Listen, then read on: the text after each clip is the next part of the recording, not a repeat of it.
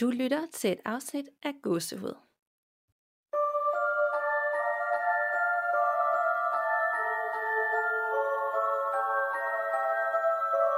Hej Nana. Hej Danika. Og hej derude alle sammen, og velkommen til episode 95, et rent lytterberetningsafsnit. Da, da, da, da. det er det afsnit, vi... Ja, vi elsker at lave alle slags afsnit, men der er bare et eller andet med lytterberetningsafsnit, og vi får lov til at læse alle de skræmmende oplevelser op fra en masse forskellige folk i Danmark. Ja, det, det, det føles mere sådan, altså jeg føler i hvert fald, at vi er meget tættere på jer, når det er. Det er sådan meget mere community-agtigt, fordi det er så intimt. Det er mange personlige ting, også med frygt og store følelser og sådan noget, der bliver delt, så, så man føler sig meget tæt på jer. Meget. Jeg er også vild med det. Og jeg bliver ja. også altid på en eller anden måde ekstra skræmt, når at jeg hører, at det er lige foregået, hvad ved ja. jeg, samme by eller et eller andet. Ikke? Sådan, det kommer meget tæt på på en eller anden måde. Ja, det gør det nemlig. Det er virkelig spændende. Men inden vi hopper ud i de her ni uhyggelige lytterberetninger, så skal jeg da lige høre dig, om der er sket noget uhyggeligt, siden vi snakker sidst. Ja, altså det er der heldigvis ikke. Øhm, det har været ret stille og roligt, bortset lige fra, at jeg stadig har sindssygt mange mareridt. Så øh, nu er det sådan noget, jeg er begyndt at tænke over, øh, hvordan, hvad jeg ligesom skal gøre, inden jeg skal til at sove øh, sørge for ikke at se noget uhyggeligt, og sørge for måske at prøve at lave nogle meditationer, eller lytte til nogle godnathistorier, eller et eller andet, sådan så jeg ligesom får sådan en god start ind i søvnen, men jeg bliver simpelthen ved med at have mareridt hele tiden. Det er virkelig irriterende. Okay, er det sådan, det påvirker dig, sådan, når du vågner, og så din dag-agtigt, eller? Ja, det gør det, fordi det er ikke den der slags virkelig uhyggelige mareridt. Det er mere sådan nogle virkelig sørgelige ting, sådan, så jeg bare sådan tit kan være trist rimelig lang tid op ad dagen, fordi at jeg også drømmer meget øh, intenst og meget sådan virkeligt, ikke? Jo. Ja. Så det, Ej, det er ikke rart. Nej, det er ikke rart. Mm. Men derudover der er heldigvis ikke sket noget uhyggeligt andet, end at jeg også fulgte dit tip fra sidste afsnit og så Archive 81, og hold op, den var fed. Ja, det var faktisk meget fed. Jeg vil sige en ting, det er, at øh, jeg, synes, jeg synes faktisk, den var for lang. Ja. Jeg begynder at kede mig lidt omkring afsnit 6. Sådan et, nu, nu har vi trukket den ud med nogle ting. Den kunne godt have været endnu kortere. Altså, seks afsnit altså, havde været perfekt. Det synes jeg nemlig også. Også fordi, at den kammede lidt over i de sidste to afsnit, hvor at sådan, så kom der lige pludselig et andet plot ind over det, og den der slutning på det hele, den var også sådan, altså den var på en eller anden måde meget øh, Stephen King-agtigt. Ja, det var det faktisk. Jeg ved ikke helt, om jeg var faktisk var fan af slutningen. Jeg vil ikke afsløre noget, men jeg var sådan lidt, var det det? Altså, kender du det? Ja. Men den er 100% værd at se, og mega fedt lavet, og, og jeg, var da, jeg var da skræmt. Jeg sad der og gemte mig bag dynen, så den kunne jo noget. Ja, det kunne den absolut. Jeg synes også, den var, den var virkelig, virkelig, virkelig fed. Ja, så glemmer så den, vi bare slutningen. Det gør vi. Og, så hvis du virkelig mangler en uhyggelig serie lige nu at se, så er det altså på Netflix, at man kan se Archive 81. Helt klart. Har du ellers oplevet noget uhyggeligt? Øh, ikke for sådan noget øh, fremmede mennesker i min seng, eller blive kastet med ting, men øh, jeg har også her siden sidst haft virkelig slemme night terrors igen det går op og ned, og jeg hader næsten, at jeg skal bringe det op igen, fordi det var story of my life. Mm. øh, og jeg er sådan, kom nu, kan du ikke bare finde en løsning på det, ikke? Øhm, men jeg er også virkelig blevet bevidst om, hvad jeg skal... Det er nok også, fordi jeg har stoppet med at tage melatonin. Det har jeg jo gjort okay. Øh, lidt længe. Og jeg har måske også været lidt naiv med det og tænkt, jamen, det er jo noget, vi har naturligt i kroppen, så jeg tager tilskud. Det, det er på... Øh, det er lidt af et eller andet tilskud. Giver det mening? Ja, ja, ja. Men så snakkede jeg med en læge øh, i sidste uge. Han var sådan, du skal ikke tage melatonin hver aften i din alder. Det er jo øh, det er ligesom, øh, hvad hedder det? Det er jo det søvnmedicin, siger han så. Så siger jeg, jamen det er jo ikke en, en sovepille for mig, føler jeg, fordi det er sådan noget stærkere noget, hvor at man går ud som et lys. Så siger han, ja. nej, men, men stadigvæk, det er jo, en, det er jo sådan noget, vi giver, øh, hvad hedder det, folk for intensiv, siger han, hvis de har problemer med at sove. Nå. Så det var sådan lidt uh, wake-up call. Øh, og helt, altså siger han, er det ikke også ulovligt i, i Danmark? Og så mig sådan, jeg har da bare købt det på sådan en, en helse-web-side. Godt nok i Europa, men jeg har da aldrig nogen sådan tænkt, at det skulle være ulovligt øh, at tage i Danmark. Så, sådan, så nu har jeg sådan, jeg kom hjem, så er sådan, nej, det, det, ja, det var lidt nøgenåbner, så nu tager jeg det ikke længere. Så det kan selvfølgelig også være det, der har gjort, at øh, mine nætter så er anderledes, end de var før. At man sådan ligesom lige skal, skal vende sin krop til at sove, altså ikke få hjælp til at falde i søvn og blive ja, helt, helt klart, der er nok noget kemi, der er pillet ved der. Men øv, altså. Ja, så det har været sådan, og jeg bliver simpelthen så sur på, øh, på Rasmus, min mand, fordi når jeg oplever det her om natten, så kan det være en dør, der står sådan, åbner og lukker, åbner og lukker. Det er det, jeg ser, ikke? Ja. Og så går jeg, går jeg over helt i panik og siger til ham, se, døren åbner og lukker. Altså, creepy. Og så siger ja. han, øh, nej, du drømmer, det gør den ikke. Og så bliver jeg bare frustreret, fordi jeg kan jo se det, og han kan ikke se det. Og så sådan, altså det er jo også en del af det her stadie, men jeg er faktisk sådan sur på mig, at han ikke bare kan se det, jeg ser. Men det kan han selvfølgelig ikke, fordi det er jo ikke rigtigt. Så øh, ja, så det er sådan det, der fylder meget herhjemme, men øh, det er der til at tage at føle på. Det må jeg arbejde videre med. Det er så vildt, det der. Altså, øhm, ja, jeg, jeg, altså, jeg synes virkelig, det lyder så vildt, og jeg ville virkelig bare ønske, at jeg ligesom kunne opklare det her mysterie for dig, og finde ud af, hvad, hvordan får man egentlig det til at gå væk. Ja, altså et eller andet sted, så kan jeg også blive sådan, åh, hvorfor skal jeg have sådan en hjerne, der ikke bare, når nu skal vi jo sove, så skal den også sove og slappe af. Hvorfor skal den være sådan på arbejde om natten og, og byde mig sådan nogle oplevelser, og jeg skal vågne, og jeg skal se creepy ting, og hvorfor kan det ikke bare være en normal hjerne, der bare ligesom alle andre, eller mange andre, bare sover, og så vågner man. Jeg vil ønske, at jeg heller ikke kunne drømme. Det kan min ja. mand ikke. Han kan aldrig huske, hvad han drømmer. Han går i seng, og står han op, så ved han ikke, hvad der er sket. Um, jeg føler jo, at alt mit er kørt hele natten, og jeg kan huske alle mine drømme, og jeg er vågnet, og jeg har set ting. Ikke? Altså, det er bare to forskellige måder at sove på. Ja, det er det virkelig.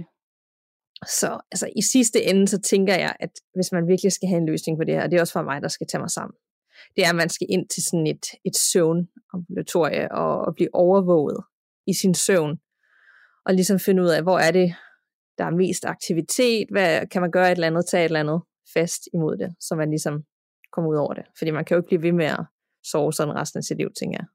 Nej, det, det kan du ikke. Det går for meget ud over dit helbred, tænker jeg. Det yeah. bliver du simpelthen nødt til at gøre, ja så bliver man altså et eller andet i sidste ende, hvis man skulle se på det sådan helt objektivt. Dem, der bliver altså også mange gange altså i forhold til livskvalitet, men også bare alder, altså det vil være også folk, der får en rigtig god nattesøvn, og ligesom restituerer. Ja, det er jo det, det påvirker både hele nervesystemet, og sådan, hvordan dine muskler bliver genopbygget, og hvordan mm. alle de der proteiner kommer ud i din krop, og altså også, øh, hvordan hjertet fungerer og sådan noget, det har det også indflydelse på. Ligesom kender du sådan i gamle dage, da man læste, og man nogle gange tog de der all-nighter, og var nødt til at skrive på en opgave en hel nat, og slet mm. ikke fik sovet, inden man skulle aflevere den. Hvis du, kan du huske, at ens hjerte også bare bankede helt vildt meget mere dagen efter, fordi ja. man ikke havde sovet, så altså det... Ja. Ja. Ligesom folk, der har natarbejde. Altså det er jo også super usundt i længden. Præcis. Nå, nu bliver det sådan helt øh, søvnsnak, men det er jo virkelig interessant, og der er jo mange, mange, mange tusind mennesker, som lider et eller andet. Enten så kan de ikke falde i søvn, eller tankemøller, eller mareridt, eller du ved, søvnparalyse, ikke? Så øh, ja. Der må være et svar på øh, vores problemer. Vi skal bare lige finde den. Ja, det skal vi. Men inden vi går videre, så har vi der en lille sponsorpause, fordi vi vil nemlig rigtig gerne præsentere dig for afsnittets samarbejdspartner, nemlig Nextory, som vi begge to er topbrugere hos og har været i næsten et år. Og på en eller anden måde, så er det som Netflix for ørerne, hvor du med flere hundredtusind bøger har uendelige muligheder for at blive underholdt og oplyst, og ikke mindst skræmt. Så altså en kæmpe stor streamingtjeneste for bøger, hvad end du nyder at læse den selv, eller bare gerne vil høre lydbøger i din hverdag. Og øh, som medlem af Nextory får du ubegrænset adgang til tusindvis af bøger, direkte fra din telefon eller tablet. Og vi kan så her eksklusivt gennem gåsehud tilbyde dig hele 60 dages gratis adgang til Nextory. Og ja, du hører det rigtigt, det er hele 60 dage, hvad end du tidligere har været medlem eller er nyt medlem.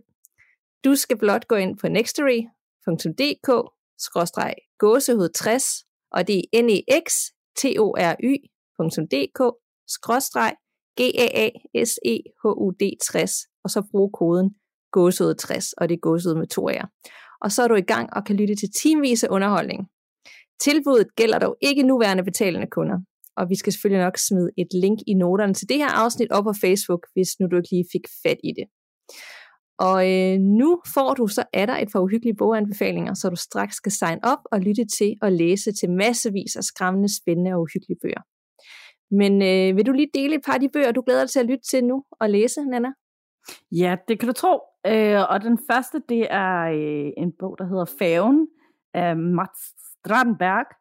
Og øh, han, øh, det, det er virkelig sådan en spændende bog om en meget, meget skæbnesvanger øh, bådtur. Og øh, jeg blev fanget af beskrivelsen, som lyder, i aften tager 1200 forventningsfulde passagerer færgen fra Sverige til Finland tur-retur. I 24 timer kan de lægge hverdagen bag sig og slå sig løs. Men noget ondt rejser med. Midt om natten, midt ude på Østersøen, tror det onde med at få overtaget på Baltic Charisma. Der er ingen steder at flygte hen. Der er ingen måde at kontakte fastlandet på. Og ingen ved, hvem de kan stole på. Jeg synes, den lyder mega spændende, men den, den anmeldelse, der lige var på siden, den var, hold kæft, en lortebog. Så jeg glæder mig virkelig meget til at se, Ej, hvor godt. til at høre den, ja, og høre, hvad jeg selv synes om den. Det er jo det, der er fantastisk med de øh, boganbefalinger. Det er jo nogen er til det, og nogen er ikke til det, men øh, jeg synes også, det lyder spændende, og måske lettere inspireret af den ulykke, der var i 90'erne øh, med Estonia, ikke? Jo, det tænker jeg nemlig også. Og eller Scandinavian Star. Altså, Ja. ja. fordi det er jo, øh, ja, ja, der Ja. er et par stykker at vælge imellem. Mm. Yes, og den anden, den hedder X, og er forfatteren Teddy Vork. Og beskrivelsen lyder sådan her. Edmund drejede hovedet. Han hørte knirkende fodtrin i sneen, og Ritze trådte frem. En løsædende hospitalskjorte var det eneste, hun bar over sin skrabbenede krop. Der var noget redselsvækkende ved hendes bevægelser. Stive og rygvise. Edmund er gift med Agnete, og sammen har de Andreas på to år. Familien har sine udfordringer, da Agnete, Agnete lider af angst og til tider for anfald. Udover at skulle passe på sin familie, har Edmund ved siden af sit job som gymnasielærer en stor passion for at lave dokumentarfilm. Og oven i den stressende hverdag begynder Edmund at se sin ekskæreste Regitze. Men Regitze er død. X er en roman om forfængelighed, erindringens upålidelighed og livet som pårørende til en psykisk syg. Jeg synes virkelig også, den lyder spændende. Du er virkelig god til at sælge de bøger. Jeg får helt lyst til at, lytte til den, så snart vi er færdige. Ja, Jeg har i den her uge bogmærket bøgerne Visdom fra dine guider, Engleeksperimentet og Lyskriger, så lidt en anden boldgade end dem, du havde med. Men det er alle tre bøger, der dykker ned i det spirituelle, og hvordan man kan bruge sine guider og engle bedre, og det har vi jo talt rigtig meget om i gåsehud. Så det synes jeg personligt er super spændende. Så hvis man nu har en drøm om at dyrke det her mere, så er der både håndgribelige tips og flere aha-oplevelser i den alle tre. Og øh, på den mere uhyggelige bogfront, så vil jeg gerne nævne bogen Kastanjemanden, og den behøver vist ikke nogen nærmere introduktion, tænker jeg, fordi øh, hvis du nok har set serien på Netflix, som mange har, så må du også bare lytte til eller læse bogen. Og så har jeg faktisk også lige et ekstra bonus bogtip, øh, som ikke er overnaturligt, det er bogen Kronvidnen. Den faldt jeg bare lige over derinde. Det er ikke en ny bog, men alligevel så øh, var den en af de mest populære i øh, 2021. Og jeg læste den selv tilbage i øh, 2014, og jeg husker den soleklart. Øh, den er som sagt ikke overnaturlig, men den er virkelig skræmmende, og den her sande fortælling om en rocker, der vælger at samarbejde med politiet og udlevere HA, og derfor så skal han under vidnebeskyttelse. Den er, ja, ja, det er bare sådan en, man skal læse eller lytte til. Den er så spændende. Så hvis man nu synes noget også er interessant, så, øh, så skal man lige have det tip med. helt sikkert. Den skal jeg i hvert fald også have lyttet til. Det er mega, mega spændende. Ja, så hvis du er blevet inspireret af noget af det her, og godt kunne tænke dig at lytte til det, så kan vi altså tilbyde dig hele 60 dages gratis adgang til Nextory, hvis du ikke allerede er betalende kunde. Det eneste, du skal gøre, er at gå ind på nextory.dk-gåsehud60, og det er altså nextory.dk-gåsehud med to A'er 60. Og så kan du tilmelde dig der, og den kode, du skal bruge, det er også gåsehud 60 med to A'er. Så rigtig god lyttefornøjelse. Yes. Er du klar til øh, den første lytopretning? Jeg er så klar. Det er fra Maria, og det handler lidt om en juleferie, der ikke helt gik, som hun håbede på. Uh. Hej Nana og Danika. Jeg har skrevet til jer før, men jeg er simpelthen lige nødt til at dele en oplevelse mere med jer og lytterne, som jeg havde for nyligt. Måske der kommer nogle nyttige kommentarer på Facebook, eller måske nogen vil tænke, at min fantasi stak af. Alt andet lige er det en oplevelse, som jeg har svært ved at ryste af mig, da det var noget af en voldsom oplevelse for mig, da nogen begyndte at hive min mand en sen nattetime. Here goes. I julen lejede vi en stor gård sammen med min familie i Midtjylland. Gården, som var fra 1911, var bygget om til at kunne huse mange gæster. Det vil sige, længerne, hvor der engang havde været stald, var bygget om til sovesal. Og det var som sådan et super hyggeligt sted, hvor der var gjort meget ud af det med pejsestue og pool, men for delen var sov jeg dog også bare dårligt et sted. Forklaring følger. Jeg fik allerede en super dårlig fornemmelse i maven, da jeg blev tildelt vores værelse nede i den ombyggede stalling. Energien og luften i værelset føltes ikke god. Jeg kiggede ind i nogle af de andre rum, men det var det samme. Og jeg tænkte, at det blev svært for mig at finde mig tilpas i nogle af de her rum. Der var bare en tung energi dernede. Men jeg skød tanken væk og tog mig sammen, og hele dagen hyggede vi med god mad og fis og ballade i poolen med mange glade børn og familiemedlemmer. Stemningen var god, men så blev det nat, og vi skulle i seng. Jeg følte mig lettet ved tanken om, at min 12-årige drenge skulle sove i værelset i selve stuehuset sammen med deres fætter, for jeg syntes, at det virkede hyggeligere derop. Så lagde jeg mig til ro. Godt ret klokken halv to om natten. Min mand han faldt lynhurtigt i søvn, og jeg burde gøre det samme, da jeg var træt efter en god lang dag, men det lykkedes var aldrig. For jeg kunne simpelthen ikke falde i søvn på grund af den underlige energi, jeg følte. Jeg kan ikke sætte en finger på, hvad det var, men sove det kunne jeg absolut ikke. Hen er det ved to-tiden begyndte det gamle skab, der stod i hjørnet, at sige knæklyde. Og så bliver jeg virkelig angst. Fordi jeg husker, at Frederik Fuglsang, som I har haft med i en tidligere afsnit, engang sagde, at man kan høre knæklyde, når der er ånder til stede. Så mange tak for den information, Frederik. Lydene gik dog væk igen efter lidt tid. Men hen af det ved trætiden gav jeg op, for der hørte jeg en to-tre gange med al tydelighed, at nogen bankede tre gange med hurtige hektiske bank på en af de andre døre ind til de tilstødende soverum. Og der fik jeg nok. Jeg efterlod min mand uden at vække ham, for hvad skulle jeg lige sige til ham? Mand, der er spøgelser herinde, få den væk. Nej vel. Så jeg gik op og lagde mig imellem min drenge. Jeg lå på cirka 10 cm på siden, for der var ikke rigtig plads til mig. Men hellere det, end jeg skulle ned på den sovegang igen. Jeg spurgte dagen efter de andre familiemedlemmer, der havde sovet godt nede i længe, og det havde de. Om de havde været oppe og banke på døre, men det var der ingen, der havde. Jeg sagde, at det nok bare var noget, jeg havde drømt, men det var det altså ikke. Morgen efter kunne min svigerinde se på mig, at jeg så lidt frugt ud, og jeg forklarede hende hvorfor. Hun er den mest overbærende kvinde, jeg kender, og derfor insisterede hun også på, at min mand og jeg skulle overtage hendes soveværelse, som lå på den etage i stuehuset, hvor drengene sov. Det ville jeg meget gerne, for jeg kunne ikke overskue at skulle sove i den gamle stald igen. Min mand synes, jeg var lidt fjollet, men han ved godt, at når jeg går i spirituel I see dead people mode, så er jeg ikke til at rokke med i forhold til de ting, jeg oplever og rationelle forklaringer. Så vi flyttede op i det andet meget hyggelige soveværelse. Og så burde alt jo være godt. Men oh no, for så begyndte nogle helt andre festligheder. For juleaften gik vi sent i seng igen, glade til fase efter en god aften. Jeg har vedhæftet et billede af det soveværelse, vi nu skulle sove i, for derop der blev jeg virkelig bekymret, og til dels også ret irriteret. Min mand faldt igen i søvn ret hurtigt, og da jeg lå lige på vippen til selv at falde i søvn, begyndte min mand at røre så sært på sig. Jeg lå med ryggen til ham og tænkte, at det nok var de der fælde i søvn reflekser, som man samtidig ser folk i drømmestadier lave. Men jeg syntes, at det føltes så underligt, den måde, han hiv armen til sig selv på. Så jeg satte mig op og så til min redsel, at den måde, hans arm flyttede sig på, lignede, at der var nogen, der hæv i den. For det var en temmelig unaturlig måde, at armen flyttede sig om på ryggen. Lidt ligesom når nogen vrider armen om på ryggen af en.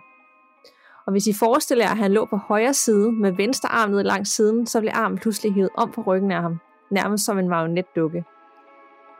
Det skete flere gange, og han hævde i søvne selv armen til sig selv igen.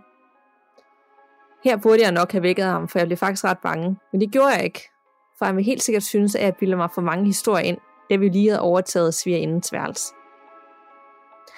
I stedet gik jeg hen og blev en blanding af lige del bange og lige del irriteret.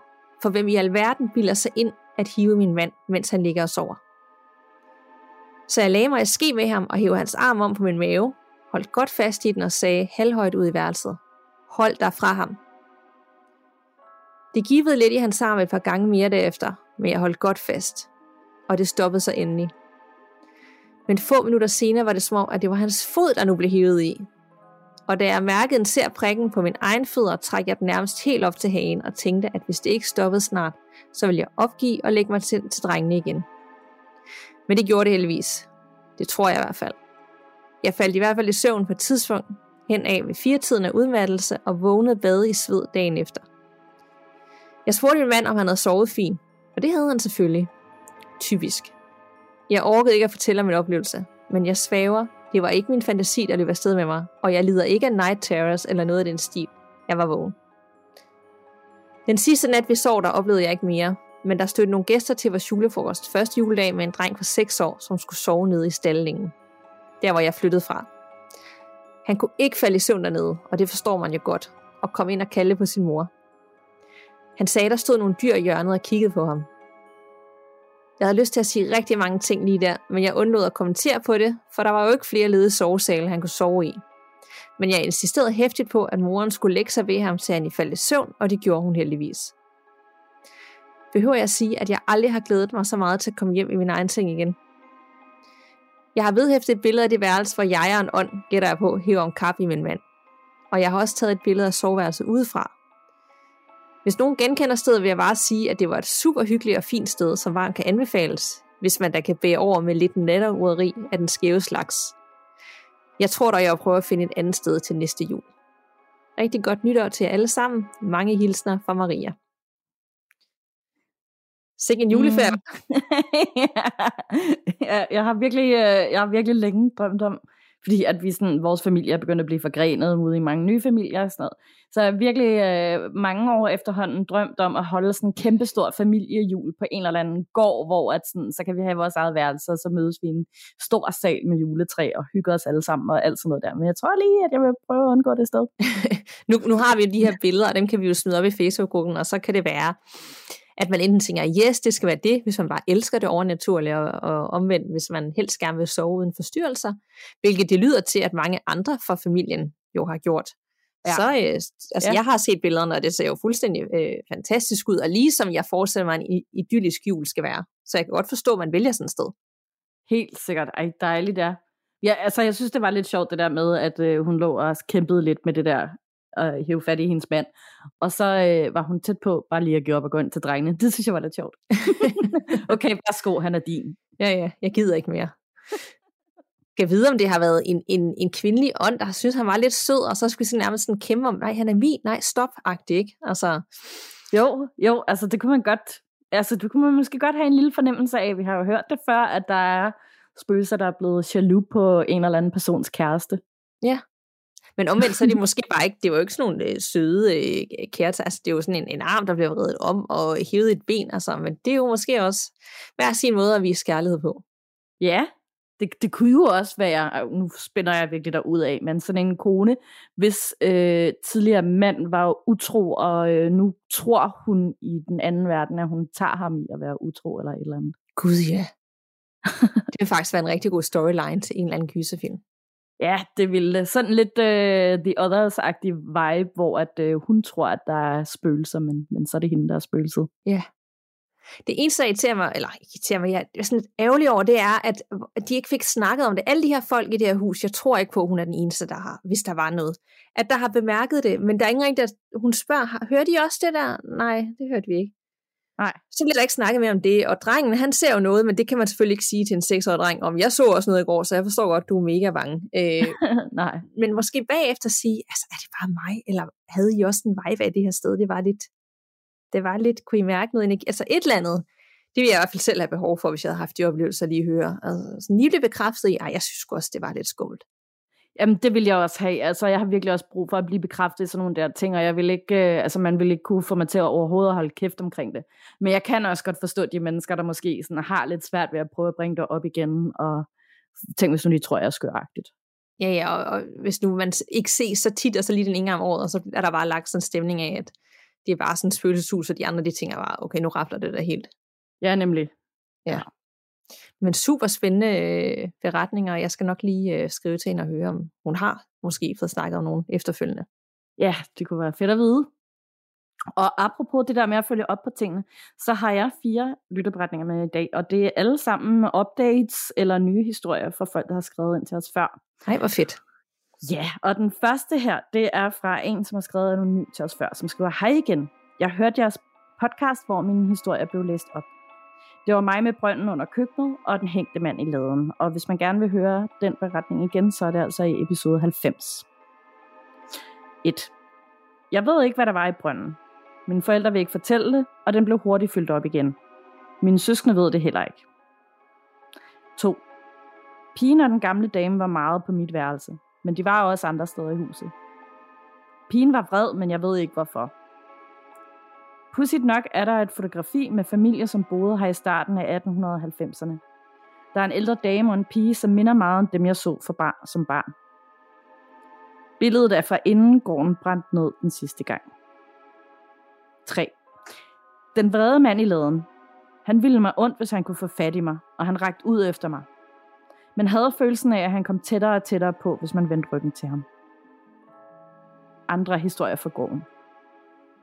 Min søster har fortalt, at jeg som barn pludselig vågnede, satte mig op og gav dem det ondeste blik, de nogensinde havde oplevet. Jeg begyndte også at sige ting med en meget voksen stemme, der lød som ren ondskab ifølge min bror. Det var et mystisk sprog, som de ikke forstod noget af. Og jeg var kun fem år dengang. Der var skyggemennesker i spejlene, og nogle gange hørte jeg folk snakke, som ikke var der. Min kæledyr kom dog alle for at sige farvel. Mine forældre har først for nylig indrømmet, at gården er kendt som et hjemsøgt sted. Et andet sted, hvor vi boede, havde der været en smedje og et slagteri i gamle dage.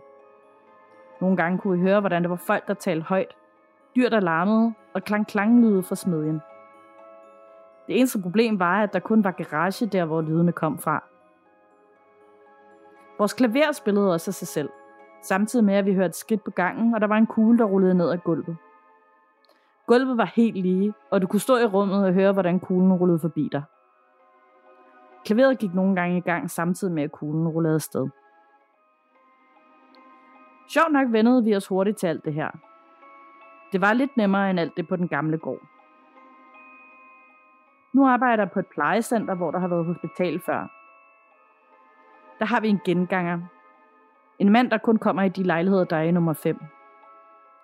Der er utallige historier om patienter, der har fortalt, at de skulle dø på bestemte tidspunkter. Elevatorer, der kører op og ned af sig selv. En gammel oversygeplejerske, der stadig går hendes runde. Skridt, der stopper, hvor den nye tilbygning starter. Lys, der tænder og slukker om natten i kælderen. Samt en kvinde med en rollator, der står bag dig, når du kigger ud i mørket igennem orangeriets ruder. Venlig hilsen, anonym. Ej, okay, den sidste. Kvinde i rollatoren, du kan se i ruden. Ja. Det var lidt creepy.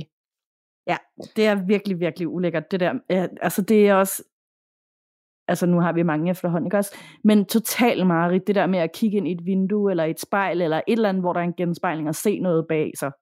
For i facaden. Ja, det er det virkelig. Og kan du huske den lytterberetning øh, med manden i laden? Det siger mig noget. Ja, altså jeg kan, jeg kan tydeligt huske den. Det var mig, der læste den op i sin tid. Øhm, og det var, det var sådan en ubehagelig historie. Jeg kan tydeligt, tydeligt huske det her med brønden. Øh, og hvordan der var den her mystiske brønd, de fandt, der var gemt under et gulv og alt sådan noget. Ikke? Øhm, virkelig god historie. Der er jo tydeligvis sket enormt meget i det hus, og også det der med, at hun vågnede i en alder af fem, og så begynder at tale sådan lidt i nogle ting, de ikke forstod, og klaver, der spillede, og øh, kuglen hen over gulvet og sådan noget. Ja, og på et sprog, øh, på et andet sprog. Ja, på et andet sprog, ja. Ja, det er det. Altså, men der ville man virkelig ønske, at de kunne huske nogle ord derfra, så man kunne prøve at finde ud af, hvad det var for en sprog, ikke? Og det lyder ikke bare som sådan en sådan, øh, hverdagsfølelse. Altså, det lyder sådan virkelig ekstremt. Præcis, det gør det altså, ja. Så er vi i gang. Yes. Er du klar til endnu en? Det kan du tro. Og øh, det er fra Marianne og handler om nogle legendes følelsesbørn og et pludseligt tragisk dødsfald. Hej jer to. Jeg har oplevet meget i mit liv. Nogle lidt spooky, og andre gør, som gør mig tryg. I slut 90'erne boede jeg i et parcelhus med mand og tre børn, og arbejdede som tjeneren på en restaurant, hvor min mødetid var klokken 3, og derfor var jeg altid hjemme og tage imod mine børn fra skole. Vi havde en legeplads som nærmeste nabo, og en fantastisk udsigt til marker. Som sagt var min mødetider midt på eftermiddagen, og jeg havde derfor også tid til en kop kaffe med min veninde, som på det tidspunkt var dagplejer, og i godt vejr altid var på legepladsen med sine fem dagplejebørn. På en dejlig sommerdag, hvor alle døre og vinduer i huset stod åbne, hører jeg en vældig leven fra legepladsen og tænker, at nu er min veninde på plads ved poderne. Jeg hælder en kop kaffe op og går derud. Men kun for at finde ud af, at der er ingen. Ingen veninde, ingen børn. Da jeg hørte børnenes glade pluderen og småråben, og til jeg står derude, går der måske et minut, så jeg er meget forundret over, at der ingen er, hverken på legepladsen eller på vejen til og fra legepladsen. Da jeg senere samme dag har været ude at handle, kommer jeg hjem og ser min yngste søns tøj og sko og tasker smidt på gulvet, og hoveddøren står på hvid gab, og min søn er pist væk. Jeg ringer over til hans bedste ven for at høre, om min søn var der. og det bekræftes. Jeg beder vennens mor sende ham hjem, da jeg lige skal have et alvorsord med ham, inden jeg tager på job. Og da han kommer hjem, kommer han på strømmefødder, og jeg begynder at skælde lidt ud over det. Fordi han er gået uden at sætte task og tøj på plads og gået for et ulåst hus. Pludselig kan jeg se, at han er lettere rystet, hvilket han normalt ikke var, når jeg skældte ud. Han forklarer, at han havde hørt, at der var en masse børn inde på hans værelse, som legede og grinte, og det var så skræmmende, at han bare løb, uden at tænke på andet end at komme væk. Da jeg kunne se frygten i min søns øjne, valgte jeg ikke fortælle, at jeg ligeledes havde oplevet samme scenarie samme dag. Hvilke børn, som jeg havde hørt, og som min søn også hørte et par timer senere, aner jeg ikke, men creepy det er det. Og nu til en varm oplevelse. Jeg blev enke for tre år siden, da min mand døde af blodforgiftning. Det kom som et lyn fra en klar himmel, og jeg var efterfølgende vældig knust. Livet var meget svært, og min søster forsøgte at gøre mig glad, og tog mig en dag med til Ikea og på efterfølgende cafétur. Vi skulle mødes på Høje Tostrup station, men min søster blev lidt forsinket, hvilket hun havde ringet og meddelt. Jeg stod på stationen og ventede, og mærker pludselig en hånd på min skulder, altså som om en meget tung hånd. Jeg vender mig om, da jeg tror, det er min søster, men der var ingen. Min første tanke var, at det var min mand, der lige var forbi, og det gjorde mig meget, meget varm, og jeg var slet ikke mærkeligt. Det var højdepunktet på den dag.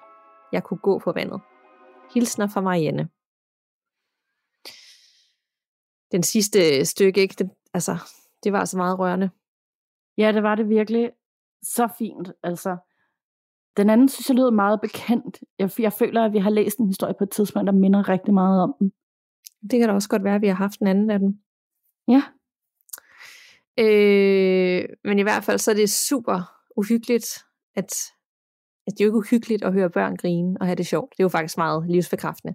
Men når de så ikke er der, eller det er i sådan en åndelig setting, så bliver det lidt uhyggeligt. Ja, lige præcis. Øhm, altså når det, ja, virkelig i det hele taget også, ligesom med musik for eksempel, når man hører sådan noget klaverspilleri midt om natten, hvor ingen burde øh, spille klaver, og man i øvrigt heller ikke har klaver. Øh, ting, der er sådan out of place, det er også bare virkelig uhyggeligt.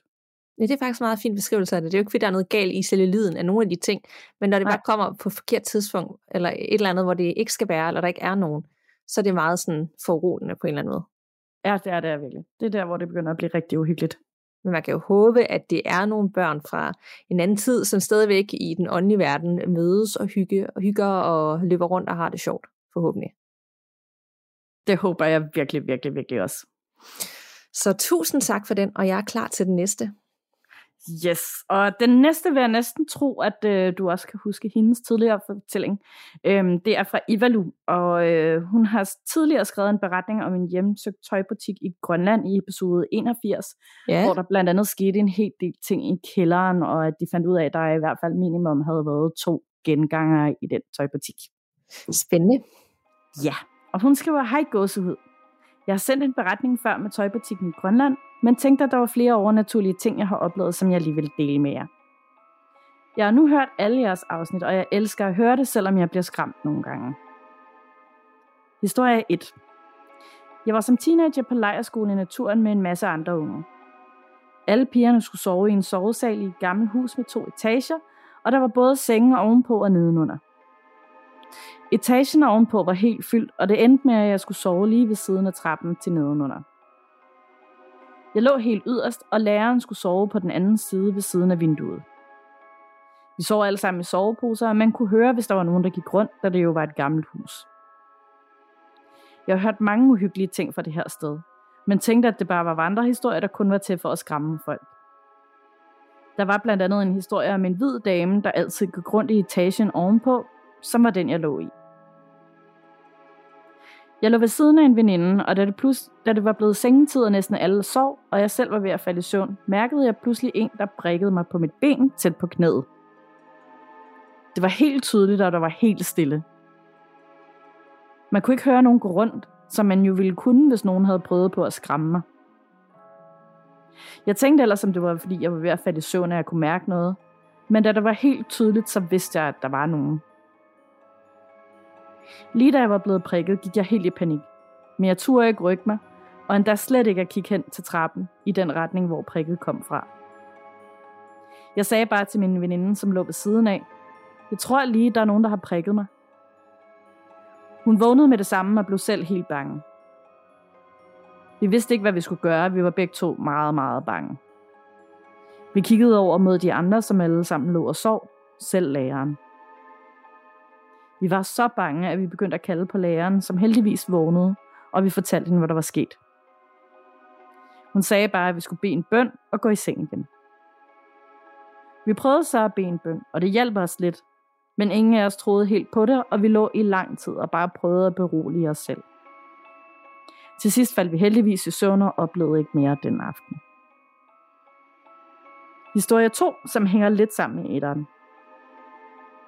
En anden aften sov jeg nedenunder. Her var der også helt fyldt med køjesenge. Vi vågnede alle om natten eller om morgenen til en banken på væggen, som blev ved og ved og ved. Det var stadig for tidligt til, at de andre huse var stået op, og de lå også lidt langt væk fra os. Men det var stadig tidligt nok til, at det var ved at blive lyst. Bankelydene blev ved og ved, og nu var selv læreren bange.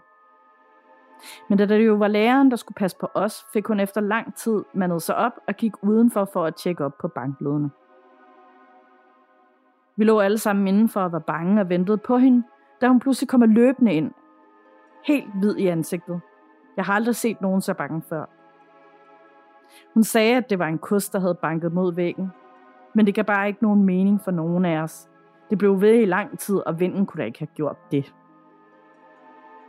Historie 3 det her var en helt anden lejrskole, et helt andet sted, men stadig ude i naturen i Grønland. Det var med klassen, og vi sov alle i en lang gang, hvor vi var blandet drenge og piger. Undtagen inde på værelserne. Altså, der sov kun piger i et værelse og drenge i et andet, men hele gangen var blandet. Der var to lange gange fyldt med værelser, og da vi ikke var så mange på den udflugt, brugte vi kun den ene gang.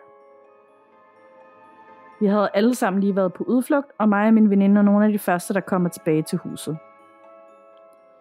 Vi skal begge to tisse rigtig meget, så vi løber ind på et toilet sammen. Og da vi er færdige, kan vi pludselig ikke komme ud, da håndtøjet på døren er faldet af udefra. Vi begynder at banke og kalde på de andre. Vi kan høre dem ude på gangen, hvor de alle sammen lyder helt forbløffet over et eller andet. Der er til sidst en, der får os ud fra toilettet, og vi kommer ud på gangen, som er helt fyldt med alle de andre. Og vi kan se, at der er tegnet en rød streg gennem hele gangen. Både på dørene og på væggen. Hele vejen. Lærerne får os alle sammen samlet og er rigtig sure og vil have dem, der har gjort det, til at indrømme det. Men der er ingen, der siger noget, og efter en eller to timer, hvor vi har siddet og ventet på, at nogen ville sige noget, så fik læreren os alle sammen til at gå ud og vaske af væggen og gulvet. Jeg har stadig ikke fundet ud af, hvem der gjorde det. Og for nylig mødte jeg en fra klassen, som jeg ikke havde snakket med siden dengang. Jeg spurgte om han vidste, hvem det var, der havde gjort det, men han vidste heller ikke. Måske var det bare noget overnaturligt, eller måske bare en drengestreg for en fra klassen. Det var bare uhyggeligt, at vi blev låst inde på toilettet, og at der var blevet tegnet en rød streg gennem hele gangen imens. Jeg har flere historier, som ikke er ude i naturen, men dem må I få en anden gang, da det er ved at blive lidt langt. Håber, I kunne bruge det til noget, og skriv endelig, hvis I har spørgsmål. Hilsen Ivalu. Den sidste fortælling, altså om det var overnaturligt eller ej, så var det jo sådan lettere og ondskabsfuld og drillende. Ja, altså, og det er virkelig pudsigt. Altså, ja, også selvom det er en, der har gjort det, det der med sådan lidt beregnende, føler jeg, det er, at hive håndtaget af, det er ikke særlig pænt gjort. Øhm, men det er også bare mystisk, og sådan, hvor får man, finder man i det hele taget noget rødt og male med? Ja, det er så meget mystisk. Altså det vil være sådan en ting, hvis det var mig, der havde ude for det, jeg ville tænke på det til evig tid. Hvad var det egentlig? Var ja. det øh, en ånd, eller var det en eller anden fra klassen, der bare lavede en virkelig ikke sjov joke, eller hvad skete der egentlig? Det finder man jo aldrig ud af. Nej, slet ikke. Virkelig, virkelig creepy. Og generelt bare de der fortællinger fra øh, Grønland, de er bare, de er bare værre. På en ja, måde. det er de. På en eller anden måde. Jeg ved heller ikke, hvad det er, der gør det, men det er de altså bare. Det er mere spændende, og det er sådan bare, ja, der er bare en anden sådan stemning omkring det, og de oplevelser, der er. Det føles bare sådan mere uhyggeligt på en eller anden måde. Ja, det gør det. Jeg tror også, det er, fordi man netop er tættere på naturen i Grønland, end man sådan er herhjemme. Ja, så der er, sådan, der er, ikke, der er mere plads. Der er ikke så, altså, hvis man er et hus, så er man sådan lidt mere isoleret, end hvis man er på en villavej, eller et eller andet, ikke? Jo, nemlig. Det er, der er ligesom meget mere larm her. Ja. Ja. Det vil også virkelig være den perfekte setting til en, en uhyggelig og skræmmende film. Helt klart. Og send ind i flere derfra, vi, vi elsker simpelthen, at vi elsker alle lytterretninger, vi elsker også, når vi får lov at høre mere om Grønland, eller andre lande for den sags skyld. Ja, og også Færøerne og Island. Ja. Alting er fedt. Send ind i flere af dem. Ja, tak. Er du klar til endnu en? Yes, det er jeg. Og det er fra Emilie og handler lidt om naboens afdøde mor og et gysligt ansigt, eller jokeren. Hej gåsød. Igen tak for en fed podcast. Her er et par små hyggelige historier igen, plus en knap så sjov. Da jeg boede hjemme og var alene hjemme, var jeg ved at sove mig. Jeg vågnede op ved, at nogen slikkede mig under min tær. Og det i sig selv er uhyggeligt og lidt ulækkert, men det virkede ikke ondt eller noget, for det føltes som en hund. Vi havde haft en hund, som desværre var død nogle år før, men jeg husker, at jeg sagde, Sako, stop. Sako, det var den afdøde hund. Det stoppede, og jeg fik set på uret. Op og hurtigt ud med mig. Havde det ikke været for det, var jeg kommet for sent, så jeg er sikker på, at Sakos ånd boede hjemme med mine forældre, for det skete et par gange, at han krassede på min dør for at få mig ud af afsted. Nummer 2. Vi har en første sal, hvor der er en tramme der foran, så mine børn ikke falder ned om natten. Jeg lukkede den altså dengang, men ikke så meget mere, da de er blevet større og forstår, at de ikke bare skal løbe mod trappen og kalde.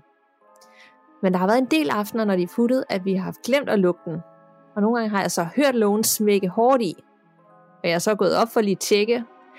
Jeg undrer mig over det, indtil jeg fandt ud af, at naboens afdøde mor, som passer på min fire, ikke kunne lide, at lågen var åben, for tænk, hvis de faldt ned ad trappen. Jeg spurgte pænt hendes mor, om hun ikke kunne på en mere stille måde gøre opmærksom på, at den var åben, i stedet for at smække den. Nu er der ingen problemer. Pigerne er fire år og mere stabile på fødderne. Når jeg nu skrev, at det var hyggelige historier, så var det ikke helt rigtigt. For jeg har lidt meget af søvnparalyse. Dog ikke så meget mere, men det sker stadig til tider. Jeg har en bestemt, jeg husker meget godt. Jeg vågner op i mit soveværelse, hvor jeg føler mig låst. Jeg tænker, at jeg sover og prøver at vågne, men intet sker. Jeg kigger rundt, og jeg kan ane min mand ved siden af, og lyset i værelset virker normalt. Altså normalt, som det så ud, inden jeg lader mig til rette. Jeg ser så en skikkelse komme ind ad døren langsomt. Mørk i det som en sort skygge.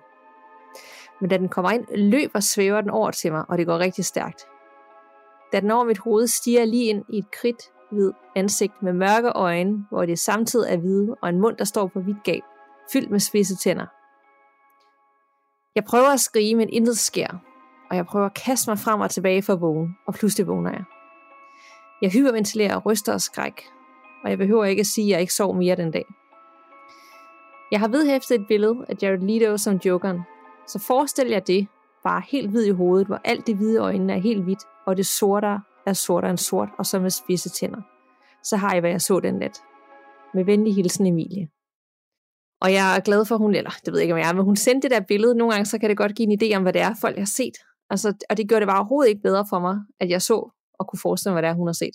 Nej, nej, jeg synes også øh, et eller andet sted, at beskrivelsen, den var rigelig ulækker. Det var bestemt heller ikke noget, jeg ville have lyst til at se, og slet heller ikke en søvnparalyse for i for sent. Nej, hvor man er helt lust fast og faktisk ikke kan gøre noget ud over at, at skulle stå og kigge direkte ind i det der. Netop. Jo. Og jeg har altid tænkt, sorte øjne, det er bare uhyggeligt, ligesom med Black Eyed Children, men helt hvide øjne, det er jo også uhyggeligt. Ja, det er det virkelig. Altså, jeg, jeg, uh, kender du de der folk, der har det lidt som sådan en slags partytrick, eller et eller andet, at det kan vende det hvide fuldstændig ud af øjnene? Partytrick? ja, ja. Folk har sådan nogle underlige partytricks, også øh, sådan, for eksempel, så kan de vride deres arm helt om, eller de kan et eller andet mærkeligt, ikke? Mm. Øhm, og der er der bare nogen, der gør det der med øjnene, og jeg synes, jeg kan slet ikke holde ud og se på det. jeg kommer virkelig til de forkerte fester. Jeg skal med til dine fester næste gang. ja, det skal du. Det vil jeg gerne være med, så jeg lære nogle partytricks selv. Så, ja. Men øh, ellers, ud over partytricket, så, øh, så øh, var den første, der er meget sød med hunden, der lige hjalp hende op og afsted. Jeg forestiller mig sådan en teenager, der har lidt svært ved at komme ud af fjerne, og lige skal have lidt hjælp til at, at nå sine tider. Og, øh, og også sødt med naboens afdøde mor, der lige passer på børn og siger, nu lukker du kraftet med den tramdør, så der ikke sker noget. Ja, det synes jeg også. Det er rigtig fint. Det kan jeg rigtig godt lide. Og jeg elskede især den her historie, selvfølgelig med hunden. Og jeg elsker virkelig, øh, nu var det også i den første, jeg læste op, at, øh, at, øh, at øh, lytteren der skrev, at, at alle hende, kæledyr havde kommet for at sige farvel. Det synes jeg altså også er ret fint. Det er så fint. Det er, altså, det, ja. det, de, altså, dem, de, de må gerne være der hele tiden. Spøgelseskatte, ja. hunden, jamen bare alle dyr. De må godt rende rundt. Ja, det må de altså gerne. Ja, det var hyggeligt. Ja. Åh ja, er du, er du øh, klar til en ny update? Meget klar. Yes, og det her er altså også fra en anonym lytter, som skriver, Hej gåsehud, her får I lidt flere historier fra mig. Det var mig, der skrev om den gule dame og om oldemor, som gik igen. Og hvis man har lyst til at høre de historier, og jeg synes, kan, kan jeg selv huske, jeg synes selv, med selv, det var ret fedt at høre om en gul dame. Nu havde man tit hørt om den blå, eller den grå, eller den hvide dame, så det var ret fedt at høre om en, der var gul. Så er det altså episode 71, man skal lytte tilbage til. Siden da har vi oplevet virkelig mange flere ting, og især mig. Lad mig starte med her lidt for over en måned siden, hvor jeg vågner ved et tiden om natten. Jeg kan høre, at nogen, der er nogen, der går på trappen ude foran min dør. Vi bor i et pænt gammelt hus, så det er ret nemt at høre. Jeg tænkte bare, at det var min lillebror, så jeg gik ud for at hjælpe ham med at lægge sig igen. Men da jeg kommer ud, er der ikke nogen. Jeg tænker ikke så meget over det, da det jo er et meget gammelt hus. Men da jeg kommer ind igen, opdager jeg med det samme, at der er helt tåget over mit vindue. Man kunne intet se derhenne. Og det var altså sket på de få sekunder, jeg havde stået ude på gangen. Jeg skyndte mig over i min seng og skrev til min veninde, som heldigvis var vågen. Pludselig hører jeg en krassende banklyd rundt omkring mig. Forskellige steder på væggene. Og lidt efter er der igen et eller andet, der går op ad trappen. Endnu en gang går jeg ud og kigger, men der er stadig intet. Så jeg når slet ikke at tænke mig om, før jeg tyrer min hånd ind i kontakten for at tænde det store lys. Lige det samme ser jeg noget røglignende, ligesom når man puster et sterinlys ud. Det svæver forbi mig og stiger meget hurtigt op. Der skete ikke mere efterfølgende, men jeg sov ikke meget den nat. Næste morgen fortalte jeg min mor om det hele, og sagde, at hvis hun bare ville sige, at det bare var en drøm, så havde jeg bevis på, hvor meget jeg flippede ud over for min veninde på sms. Men hun siger heldigvis, at hun tror på mig. Og så fortæller hun, at min yngste lillebror er begyndt ikke at ville sove på sit værelse mere. Fordi han siger, at der er noget, der holder øje med ham. Og det skal lige siges, at dengang jeg havde været derinde, følte jeg mig også utrolig overvåget og endte med ikke at have gardinerne oppe, fordi jeg simpelthen ikke kunne holde det ud. Vi tog en snak bagefter alle tre, og jeg sov hos ham i nogle dage. Det er som sagt lidt over en måned siden, og jeg har begyndt at vende mig til det. Og jeg laver meget sjov med det også. Og hvis der så faktisk er noget på mit værelse, så er det ikke ondt. Så er det sikkert bare noget, der holder øje med mig. Det kan for eksempel finde på at sætte sig ved siden af mig til, til min online skole, hvor jeg bliver helt kold i den ene side. Og jeg kan mærke noget læne sig op af mig. Det kan også finde på at følge efter mig nedenunder. Og jeg kan også huske, at jeg engang kunne mærke, at der stod en person ved siden af mig, selvom der ikke var nogen. Det var lidt fra mig igen. Fortsæt jeres fantastiske arbejde og pas på jer selv. Med venlig hilsen mig. Jeg fik faktisk rigtig god vibes af den her fortælling. Altså som hun selv siger, hun føler ikke, det er noget ondt, at det, altså man kan godt blive skræmt af det, men det er et eller andet, der støtter hende og er der for hende. Og bare passer ja. på hende. Ja, nemlig. Øh, det er også den fornemmelse, jeg har. Især når hun selv ligesom finder den der ro i det, så tænker jeg, så, så kan, altså, det kan man vel mærke. Så kan det ikke være noget ondt. Nej, netop. Og jeg tænker også, det er sådan en god uh, reminder om, at det er jo øh, sjældent ondt, hvis nogen siden, det kan godt være ubehageligt, men at nogen, at det alt behøver ikke at være skræmmende og uhyggeligt. Og så nogle gange, så er det også bare et, et eller andet, der passer for en, eller en guide, et eller andet, der er der for en, og faktisk, hvis man bruger det rigtigt, øh, så kan det faktisk måske hjælpe en, og give en mere sådan ro og tilpasset og tiltro til det hele. Helt sikkert. Jeg håber virkelig, at lillebroren også øh, finder ro i det hele. Ja, det håber jeg også. Ja. Det håber jeg. Jeg har endnu en til dig. Yeah. Og det er øh, fra Camilla. Og øh, den er faktisk lidt klam. Den øh, handler lidt om en øh, mandlig energi, der kigger sulten på vores lytter. Øh. Hej gåsede. Jeg er vild med jeres afsnit, fordi I tager fat i et emne, man tit bliver mødt med skepsis, når man taler højt om. Jeg føler derfor nu, at jeg må dele min uhyggelige oplevelse med jer. Første historie. Vi var lige flyttet fra mit barndomshjem til et hus, hvor min storesøster og jeg fik værelser i kælderen. Mit værelse lå med væg ind til et fyr, som dog ikke larmede, i hvert fald ikke om dagen. Da min mor og hendes daværende kæreste, min søster og jeg, på det tidspunkt var jeg 11 år flyttet ind, så gik der ikke længe før vi begyndte at blive meget uvenner. Der var en dårlig stemning i luften og generelt meget ubehageligt. Jeg følte mig overvåget nede i kælderen, og det var især slemt, når jeg havde været i bad og stod over ved kommoden. Så følte jeg, at der stod en mandlig energi og kiggede sulten på mig. Og jeg endte altid med at løbe op ad trapperne, uden at kigge tilbage i frygt for, hvad jeg så. Ovenpå kunne vi ofte høre lyde. Specielt skridt, der blev gået tværs hen ad spisestuen, selvom der ikke var nogen. Vi sad en dag alle fire og skulle spise ude ved et højbord i køkkenet. På bordet står der en frugtskål med appelsiner. Og mens vi alle kigger, bliver der nærmest løftet en appelsin ud af skålen og triller hele vejen hen ad bordet og ned på gulvet. Vi var alle chokerede, men genoptog dog hyggen, hvorefter der går cirka 10 minutter, og så flyver et stort vægur ned på gulvet. Min mor og hendes daværende kæreste besluttede sig for at flytte kun efter halvanden år grundet den konstante dårlige energi. Og i det hus er solgt, kan min mor ikke slippe den og får derfor en klaverjant ud. En klaverjante fortæller, at der er en gammel dame ovenpå med en kat, men at vi ikke skulle være bange for hende. Derefter går hun ned i kælderen og fortæller, at der er en meget ubehagelig mand, som godt kunne lide unge piger. Hun er der cirka 30 minutter og så nødt til at løbe grædende ud af huset. Vi flyttede og har aldrig set tilbage siden. Og så til en lidt bedre historie. Vi flyttede tilbage i min barndomslejlighed, som besøgte nok aldrig var blevet solgt, og der havde aldrig været nogen der. På det her tidspunkt er jeg blevet 16 år. Min mor og jeg bor der alene og har begge fået at vide, at vi er meget modtagelige og tror bestemt også på, at englene hjælper os, når der er brug for det, hvilket nok også er derfor, at lejligheden aldrig blev solgt. Vi begynder at opleve, at der falder en bog ned fra jorden. Et billede af mig, som har stået samme sted flere år, begynder at vælge nogle gange. Og min hund begynder at stå og gø ind i væggen midt om natten. Så vi beslutter os for at få et klaverjant ud igen. Hun fortæller heldigvis, at det både er min kære oldemor på fars side og min mors mormor, der er der og sikrer sig, at vi har det godt. De vil blot gøre opmærksom på sig selv, og de vil altid være velkommen. Jeg håber, I kan bruge mine fortællinger. Tusind tak for nogle spændende historier. Bliv ved med det, I gør. Med henlig hilsen, Camilla, en fastlytter. Øh, altså, øhm, jeg synes virkelig, det er interessant, det der med i den første historie der. Øh, det der med, at de begynder at skændes lige så snart de er flyttet ind. Øhm, fordi jeg synes både, man har hørt det der med, at, øh, at der er en eller anden form for energi et eller andet sted, og så er det, at man begynder, mm. at så den smitter af på en, og man bliver påvirket af det. Mm. Men man hører jo også tit, at de der energier ligesom også feeder på dårlig energi, så de bliver også tiltrykket af, der hvor der er dårlig stemning og skænderier mm. og og sådan noget.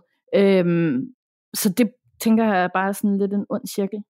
Det er en mega ond cirkel, fordi øh, der kommer en helt ny familie ind, og der har sikkert sket alt muligt ubehageligt i det hus før, og rigtig dårlig energi, og så kan det jo være, at der også, nu ender jo moren jo som ikke at være sammen med den daværende kæreste, men måske lå der allerede nede i luften der.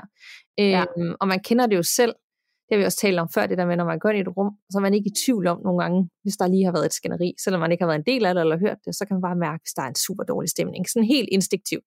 Ja, det kan man. Øh, og hvis det har været eksisteret så mange år i det her hus, så er det jo klart, at de bliver påvirket af det, og måske endda lader sig præge af det selv. Ja. Fordi hvis der er sådan et stressende, dårlig stemning, så er man også mere tilbøjelig til at, at ikke svare sødt, og måske sådan hisse lidt op, eller du ved, snære folk, og så bygger det bare på, og så øh, eskalerer det bare. Ja, det er så rigtigt. Men den der mand i kælderen på badeværelset, hvor hun, nærmest, hun kunne bare mærke, at der var en mandlig energi i hjørnet, der var sådan kigget sulten på hende. Det er så klamt. Det er virkelig, virkelig, virkelig ulækkert. Jeg er så glad for, at de kom væk. Altså, de boede der godt nok alligevel halvandet år, men øh, de, kom ja. alligevel, de var ikke i tvivl om, at der var dårlig stemning, trods alt, og de fik en klaviant ud, som løber grædende ud der fra kælderen, fordi han ja. er så ubehagelig, ikke? Altså, der er jo nok noget med snakken så. Ja, det, det skulle man i hvert fald mene. Kan vide, om der bor nogen i det hus nu. Ja. Øh, det håber jeg næsten ikke. I hvert fald ikke nogen med unge piger. Nej, men, men dejligt, de kommer over i den her lejlighed. Jeg synes, det var meget hyggeligt det der med, at de finder stor sådan, tryghed i deres guider engle, og de er sikre på, at det er derfor, lejligheden bare stod klar til den igen, for det var selvfølgelig der, de skulle være. Ja, helt sikkert. Så en god slutning på det hele. Det var det. Og er du klar til den sidste fra mig i dag? Det er jeg. Super. Og øh, den kommer fra en lytter, der har skrevet til os før, men som den her gang gerne vil være anonym. Hej I to.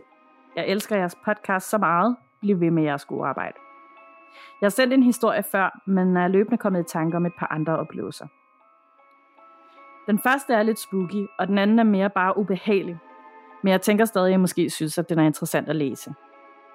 Denne gang vil jeg dog gerne være anonym. Det her er måske en lidt for lang indledning til en historie, der egentlig ikke er super lang i sig selv, men det er bare for at give jer en vibe af rummet. Da jeg var omkring 16 år gammel, havde jeg en oplevelse, som jeg faktisk stadig tænker på den dag i dag. Dengang boede jeg stadig i en forstad til København i et betonboligbyggeri med begge mine forældre. Det var inden de blev skilt. Jeg havde et mega lille værelse, og lejligheden var ikke uhyggelig overhovedet. Det var bare en af de der klassiske forstadsbetonlejligheder bygget i slut 60'erne. Ergo ikke et sted, man oplever masser af spøgelsesgåsehud. Jeg er født i 1984, så I kan måske forestille jer, hvordan mit teenværelse så ud. Det var mindgrønne vægge, en lækker udsigt til en grå parkeringsplads, en madras på gulvet for at være bohemagtig, et sort IKEA tv-bord med et stort glasfad fyldt med skaller og sterinlys. Og ikke mindst mit lille sorte mini-tv, som hang på en tv-hylde op under loftet i hjørnet af rummet. Det var et af dem, der var skruet godt og grundigt ind med jordens længste og mest hæftige skruer. Vi havde tre katte, og en af dem hoppede altid op på mit tv-bord og sad og stirrede op i hjørnet med tv'et. Ofte strakte den sig helt lang og krassede op ad væggen. Og det skal lige siges, at det gjorde den faktisk også, inden tv'et blev hængt op. Men nu til oplevelsen. Det var en random nat midt i ugen. Jeg vågnede midt i en tung søvn ved, at tv'et falder ned i glasfadet, og selvfølgelig laver jordens mest voldsomme lyd. Det kan måske lyde som en røver, men jeg lover, at jeg ofte tjekkede, om det sad løst eller lignende, at det var ved at fa- eller det lignede, at det var ved at falde ud af væggen. Men det sad altså altid virkelig godt fast. Det næste har jeg fået fortalt af min mor. Hun hører mig skrige helt ned fra maven og kommer derfor ud i gangen. I det hun kommer derud, ser hun mig storme gennem gangen, og jeg ser helt vildt ud i ansigtet og løber ud på toilettet, hvor jeg så kaster op, og er sådan helt, og jeg tror, jeg skal besvime-agtig. I ved, hvad jeg mener. Når man er sådan helt kvalm og groggy, fordi man er vågnet i et chok. Jeg husker så, at jeg siger, at jeg nok bare blev vildt forskrækket over, at tv'et faldt ned. Jeg kommer lidt til mig selv og ser, at min mor ser ret frisk ud og er semiklædt på. Jeg spørger, hvorfor hun er oppe og kommer ud i gangen så hurtigt. Deres værelse lå nemlig ikke bare lige ved siden af mit i forhold til, hvor hurtigt hun var der.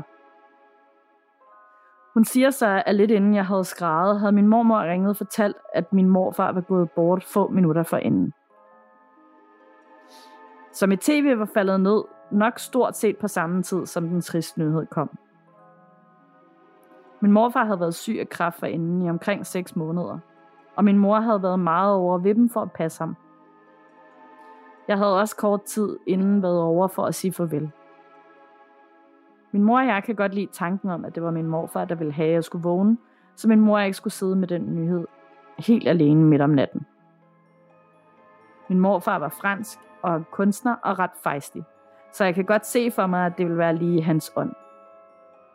Jeg tænker tit på, at det var lidt pudsigt, og det kan jo sagtens have været tilfældigt, men det var bare meget underligt, at tv'et kunne ryge ned på den måde helt uden varsel.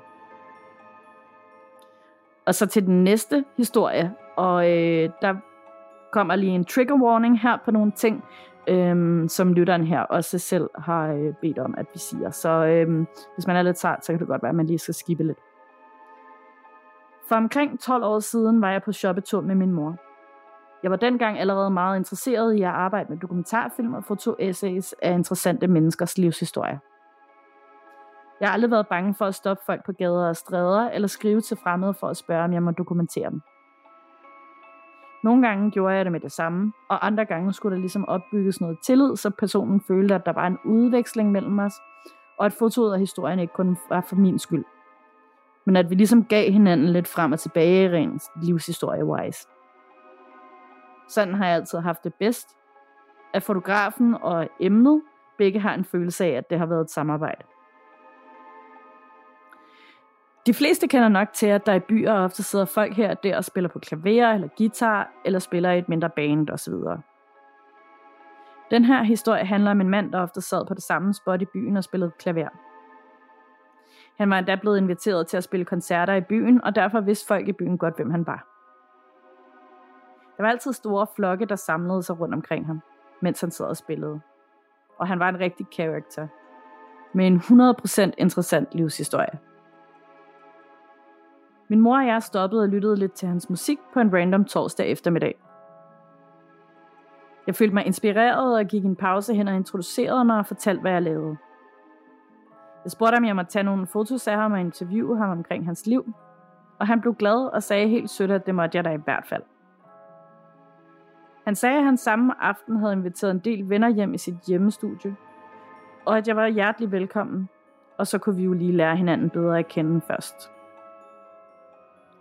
Jeg siger, at jeg har en aftale, men at jeg vil skrive senere, om jeg kan komme med leg. Han henviser mig til en kvinde, der er meget yngre end ham, som hænger ud ved hans klaver. Hun overtager ligesom samtalen, mens han går i gang med at spille igen. Og hun siger, at hun er hans kæreste. Vi udveksler numre, og jeg tager hjem. Senere får jeg min veninde på besøg til middag, som jeg har planer om at tage med til de her drinks. Jeg begynder at excite at fortælle hende om det her møde og om planerne for aftenen. Men hun ser helt freaked ud i ansigtet, mens jeg fortæller. Hun er opvokset i samme område af byen, hvor han bor, viser det sig.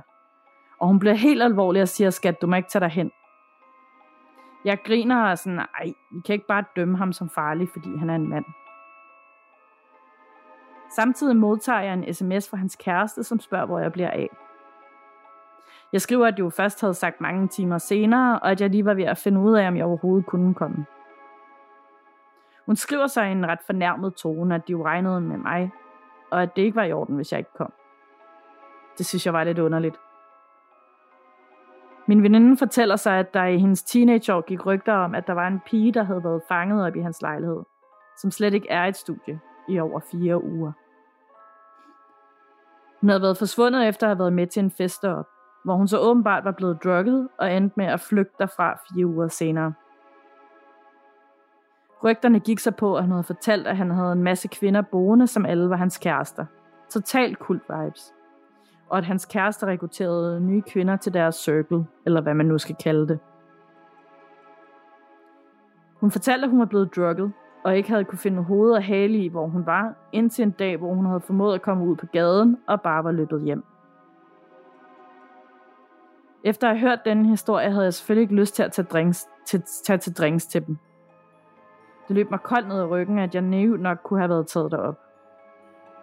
Men det stopper ikke der. Jeg skriver pænt til kvinden, at jeg desværre ikke har tid til at komme alligevel, og at jeg nok skal skrive igen og foreslå en ny dato.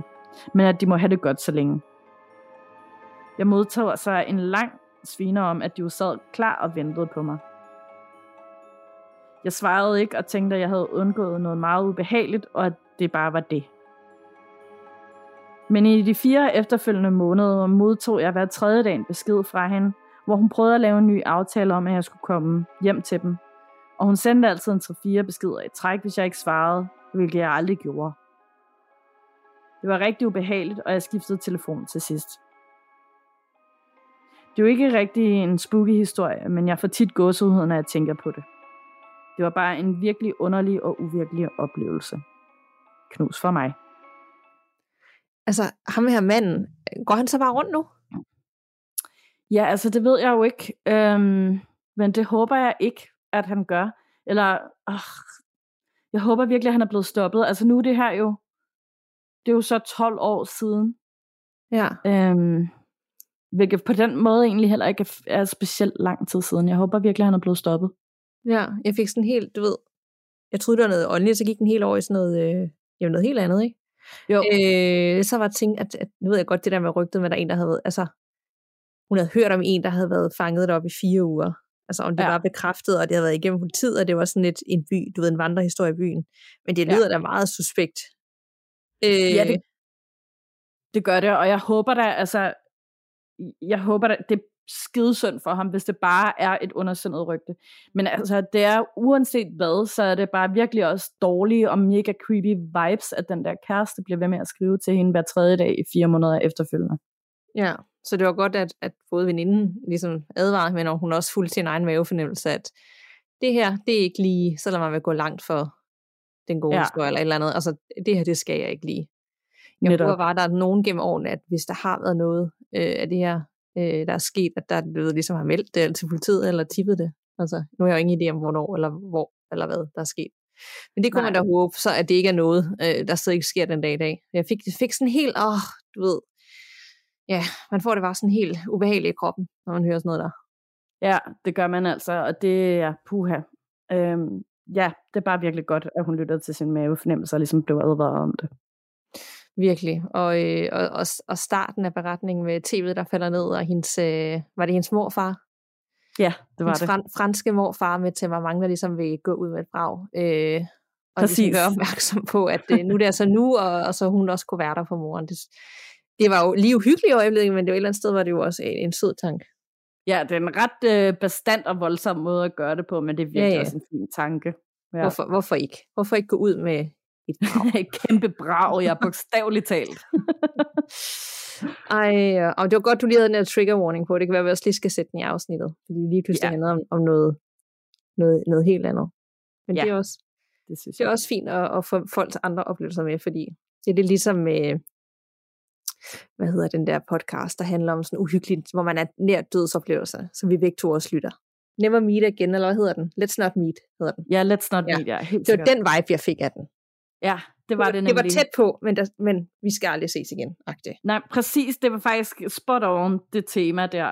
Let's not meet again, ikke? Ja.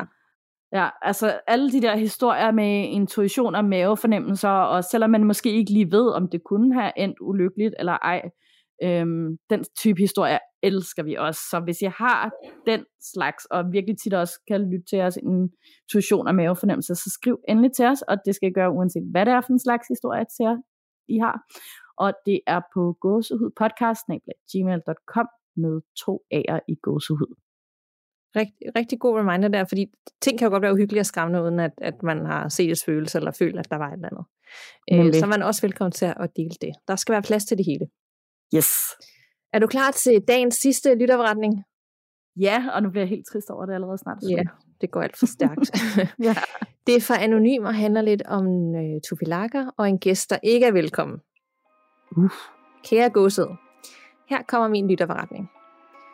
Hele min barndom har det bare været mig og min mor, og vores to små hunde. Jeg er ikke enebarn, men mine to søstre er en del år ældre end jeg, så de flyttede hjemmefra, da jeg var cirka 5 år. Men nok om det. Mig og min mor har flyttet en del rundt i min barndom, både fordi hun havde gift og på grund af arbejde.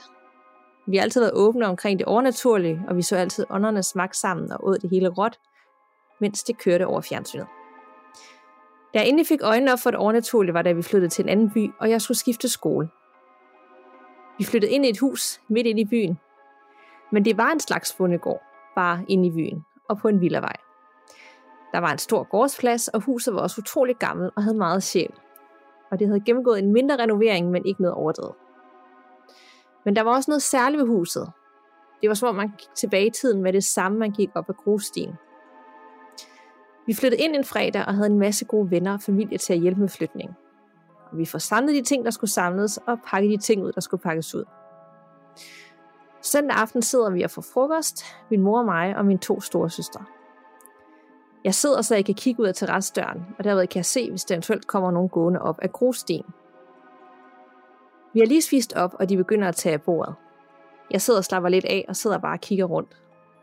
Og lige pludselig ser jeg, at der kommer en dame gående. Hun er meget grå og går bestemt forbi. Jeg råber, mor, der kommer nogen, gå ud til døren. Min mor går derud, men der er ikke nogen. Hun kommer ind igen og kigger underligt på mig. Jeg ved, hvad jeg så, og min søster begynder at grine af mig og siger det hele noget, jeg bilder mig ind. Men jeg så altså en dame. Ugerne og månederne går, og det bliver sommer. mig og min mor er kommet på plads, og vi har fået en god hverdag op at køre. Jeg havde soveværelse ovenpå ved siden af min mor. Der var bare et problem. Min mor sov ikke på hendes soveværelse. Hun sov på en madras nede i stuen, hvilket jeg ikke rigtig tænkte over. Jeg troede, det måske var, fordi jeg var blevet teenager, og hun syntes måske, jeg skulle have overetagen for mig selv. Hvad ved jeg? En aften er vi nogle veninder med mig, og vi skulle til strandfest. Jeg boede tættest ved stranden, så det var oplagt, vi var hos mig, så vi kunne gå derhen. Vi var fire piger, og vi får drukket os godt til mod og begynder at gå. Jeg havde fortalt min mor, at jeg kom ikke hjem og sov, men sov derimod ved min veninde, fordi vi skulle noget sammen dagen efter. Nå, men jeg kommer hjem dagen efter, sidst for eftermiddagen, og vi skal til at spise aftensmad. Min mor spørger, hvad jeg skulle hjem og hente i går aftes. Jeg kigger underligt på hende og fortæller hende, at jeg altså ikke havde været hjemme på noget tidspunkt. Og nu kigger hun underligt på mig. Hun fortæller, at hun hører døren gå op, og at noget hurtigt løber op ad trapperne og hurtigt løber ned igen. Men hun hører ikke døren lukke igen, og hun hører det heller ikke nogen ude på gårdspladsen. Vi har sensorlys, som automatisk vil gå i gang udenfor, hvis der kom nogen, men de lyste heller ikke. Hun sover jo i stuen, og derved kan hun nemt høre, når nogen går op ad trapperne, som er ved gangen. Hun fortæller, at hun sidder og ventede på, at jeg kom ind, men der kom aldrig nogen. Og hun gik så ud for at se, om der var nogen, men der var ikke nogen. Og døren var låst. Og jeg kan godt se, at hun nu bliver lige bleg i hovedet. Nogle uger går, og sommerferien er ved at være slut. Jeg ligger op på mit værelse, og min mor ligger nede i stuen. Og ud af det blå hører jeg hoveddøren gå op og lukker igen, og nogen går op ad trapperne. Klokken var cirka 10-11 stykker om aftenen, og jeg bliver så bange, men der kom ikke nogen. Jeg råber min mor op, og hun kommer. Og den aften, der sov vi sammen. Men at vi kunne høre, at døren gik op og lukkede igen, blev nærmest en ugen ting. En, en gang i ugen skete det faktisk, og vi blev vant til det. Mig og min mor lå på sofaen en aften og så tv. Vi hørte døren gå op, men så sædvanligt kom der ingen. Og et minut efter faldt samtlige af min mors krydderier ned fra krydderihylden, og nu blev vi bange. Min mor har boet på Grønland næsten hele hendes barndom, så hun havde mange tubilakker, så hun knød en tæt ind til sig. Tubilakker bliver især brugt til at jage onde ånder væk. Men mere skete der ikke. Vi var naturligvis meget skræmte og sov sammen igen. Nu blev det så jul, og jeg var alene hjemme. Min mor var ikke hjemme, og jeg var alene med os to hunde. Jeg sidder i stuen og spiser, og det er fuldstændig mørkt udenfor og koldt. Vi havde et stativ med vasketøj til at stå og tørre ind i stuen. Ud af det blå begynder de at blaffe helt vildt, ligesom hvis nogen går forbi og stillemærker til det. Jeg stivner fuldstændig, og hundene begynder at gø af vasketøjet og knurre. Det skal lige siges, at der ingen vinduer stod åbent, og der var ikke gennemtræk. Jeg går helt i chok og ringer straks til min mor og siger, at hun skal skynde sig hjem. Hun fortæller, at der højst vil gå en time, og imens skarper jeg med veninden helt til min mor kom hjem. Det skal lige siges, at mig og min mor aldrig fortalte, hvad der foregik i huset, imens vi boede der. I de to og et halvt år, vi boede der, var der altid koldt, lige meget hvor meget vi fyrede op, og hvor meget tøj vi havde på. Men trappen og gangen op til min værelse var det koldeste, og der man følte sig mest overvåget. Man løb altid op ad trappen, fordi man havde den følelse af at blive jagtet. Vi flyttede derfra, da jeg var 16, og først et par år efter får jeg snakket med min mor om, hvorfor hun sov i stuen alle de år i huset.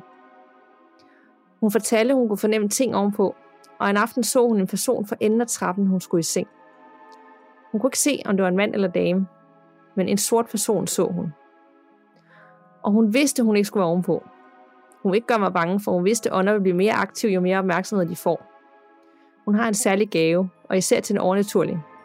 Men hun kunne sige, at det ikke var en ond ånd, men alligevel en, der kunne gøre hende bange. Det var alt for mig. Håber, I kan finde rundt i det, og hvis I vil høre det, mere af det, så har min mor også nogle historier fra hendes tid fra Grønland. Tusind tak for verdens bedste podcast. I gør et fantastisk stykke arbejde. Kærlig hilsen, Anonym. Oh, tusind tak for øh, ros, og øh, yes, send endelig mange flere af de der historier, der vil ja, gerne have mange Og, mange. og så endda fra Grønland. Hvor heldig kan man lige være? Præcis. Men øh, sikkert nogle oplevelser, alt fra at se øh, nogen ude fra gårdspladsen, som pludselig ikke er der, og så det der med, at man bare vender sig til, at ens hoved der går op. Man kan høre nogen løbe op ad trappen, og så løbe ned igen og så ud. Ja, altså det tror jeg ikke, jeg ville kunne vende mig til. Der, der tror jeg simpelthen, jeg, jeg ville have været ude i helt vildt mange ting. Sådan at sætte en milliard låse på døren, skifte hele døren ud, eller gøre alt muligt. Ja, kan vide om døren, om den egentlig gik op, selvom den var låst.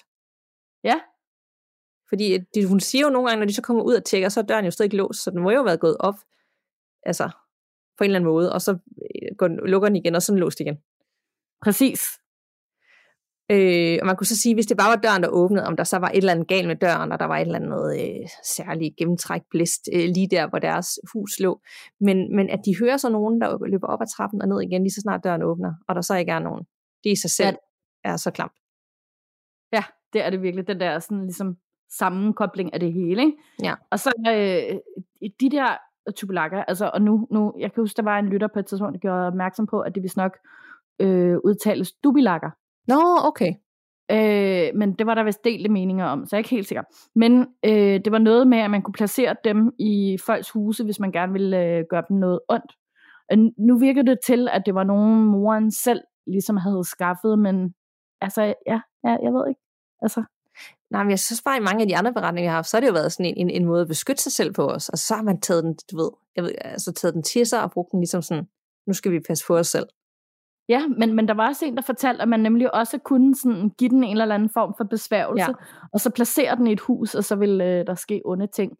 Men der var, der var sådan, selvfølgelig ligesom der er tit med sådan noget der magi, øh, at, øh, at, at hvis der så, det ved jeg ikke, hvis personen så fandt den, så ville det være den, som den kom fra, der så ville komme ud for noget ondt i stedet for. Okay, ja. Jeg håber i hvert fald, de havde den, den rigtige egenskab her, og at det ligesom jeg tænker, at det lyder som, at moren har ret godt styr på meget af det der med overnaturligt. Jeg har nogle evner og kunne ligesom mærke, at der var et eller andet, der ikke var fan af den, men hun ignorerede det for ligesom at ikke at, at gøre det værre, end det var.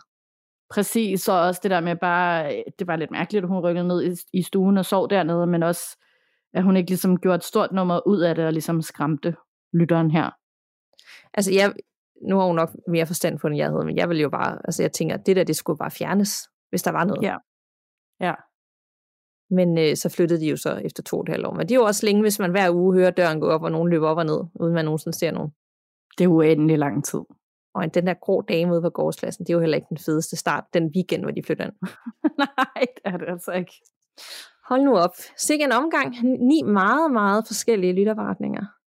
Ja, det var det, og rigtig rart også med en hel masse. Du havde også nogle øh, updates med, ja. Og virkelig mange også, der har lovet os flere historier, så det glæder vi altså også til at høre. Ja, og vi skal snart have et øh, grønlands tema, det kan jeg bare mærke. Det skal vi. Totalt meget. Og øve det allerede over, men øh, sådan er det jo, når man får lov at læse nogle uhyggelige beretninger så går tiden stærkt. Nemlig. Men som altid, så er vi tilbage hver anden tirsdag. Hver anden uge er det med et emne, og den, de andre, og hver anden uge er det så lytterberetninger. Så, øh, så der burde, hvis man ikke først er ny i godset nu, så er der jo virkelig mange afsnit, hvor man går tilbage og så hører massevis af lytterberetninger. Nemlig, og jeg tror faktisk egentlig også, at øh, jeg selv skal snart til at lytte forfra, fordi der må simpelthen være så mange rigtig gode lytterberetninger, som man næsten har glemt, og som er gode lige at blive mindet om igen. Rigtig god idé. Ja. Men øh, tak for snakken, Anna. I lige måde. Vi lyttes ved. Og pas på derude. Man ved jo aldrig, hvad der venter bag den næste dør.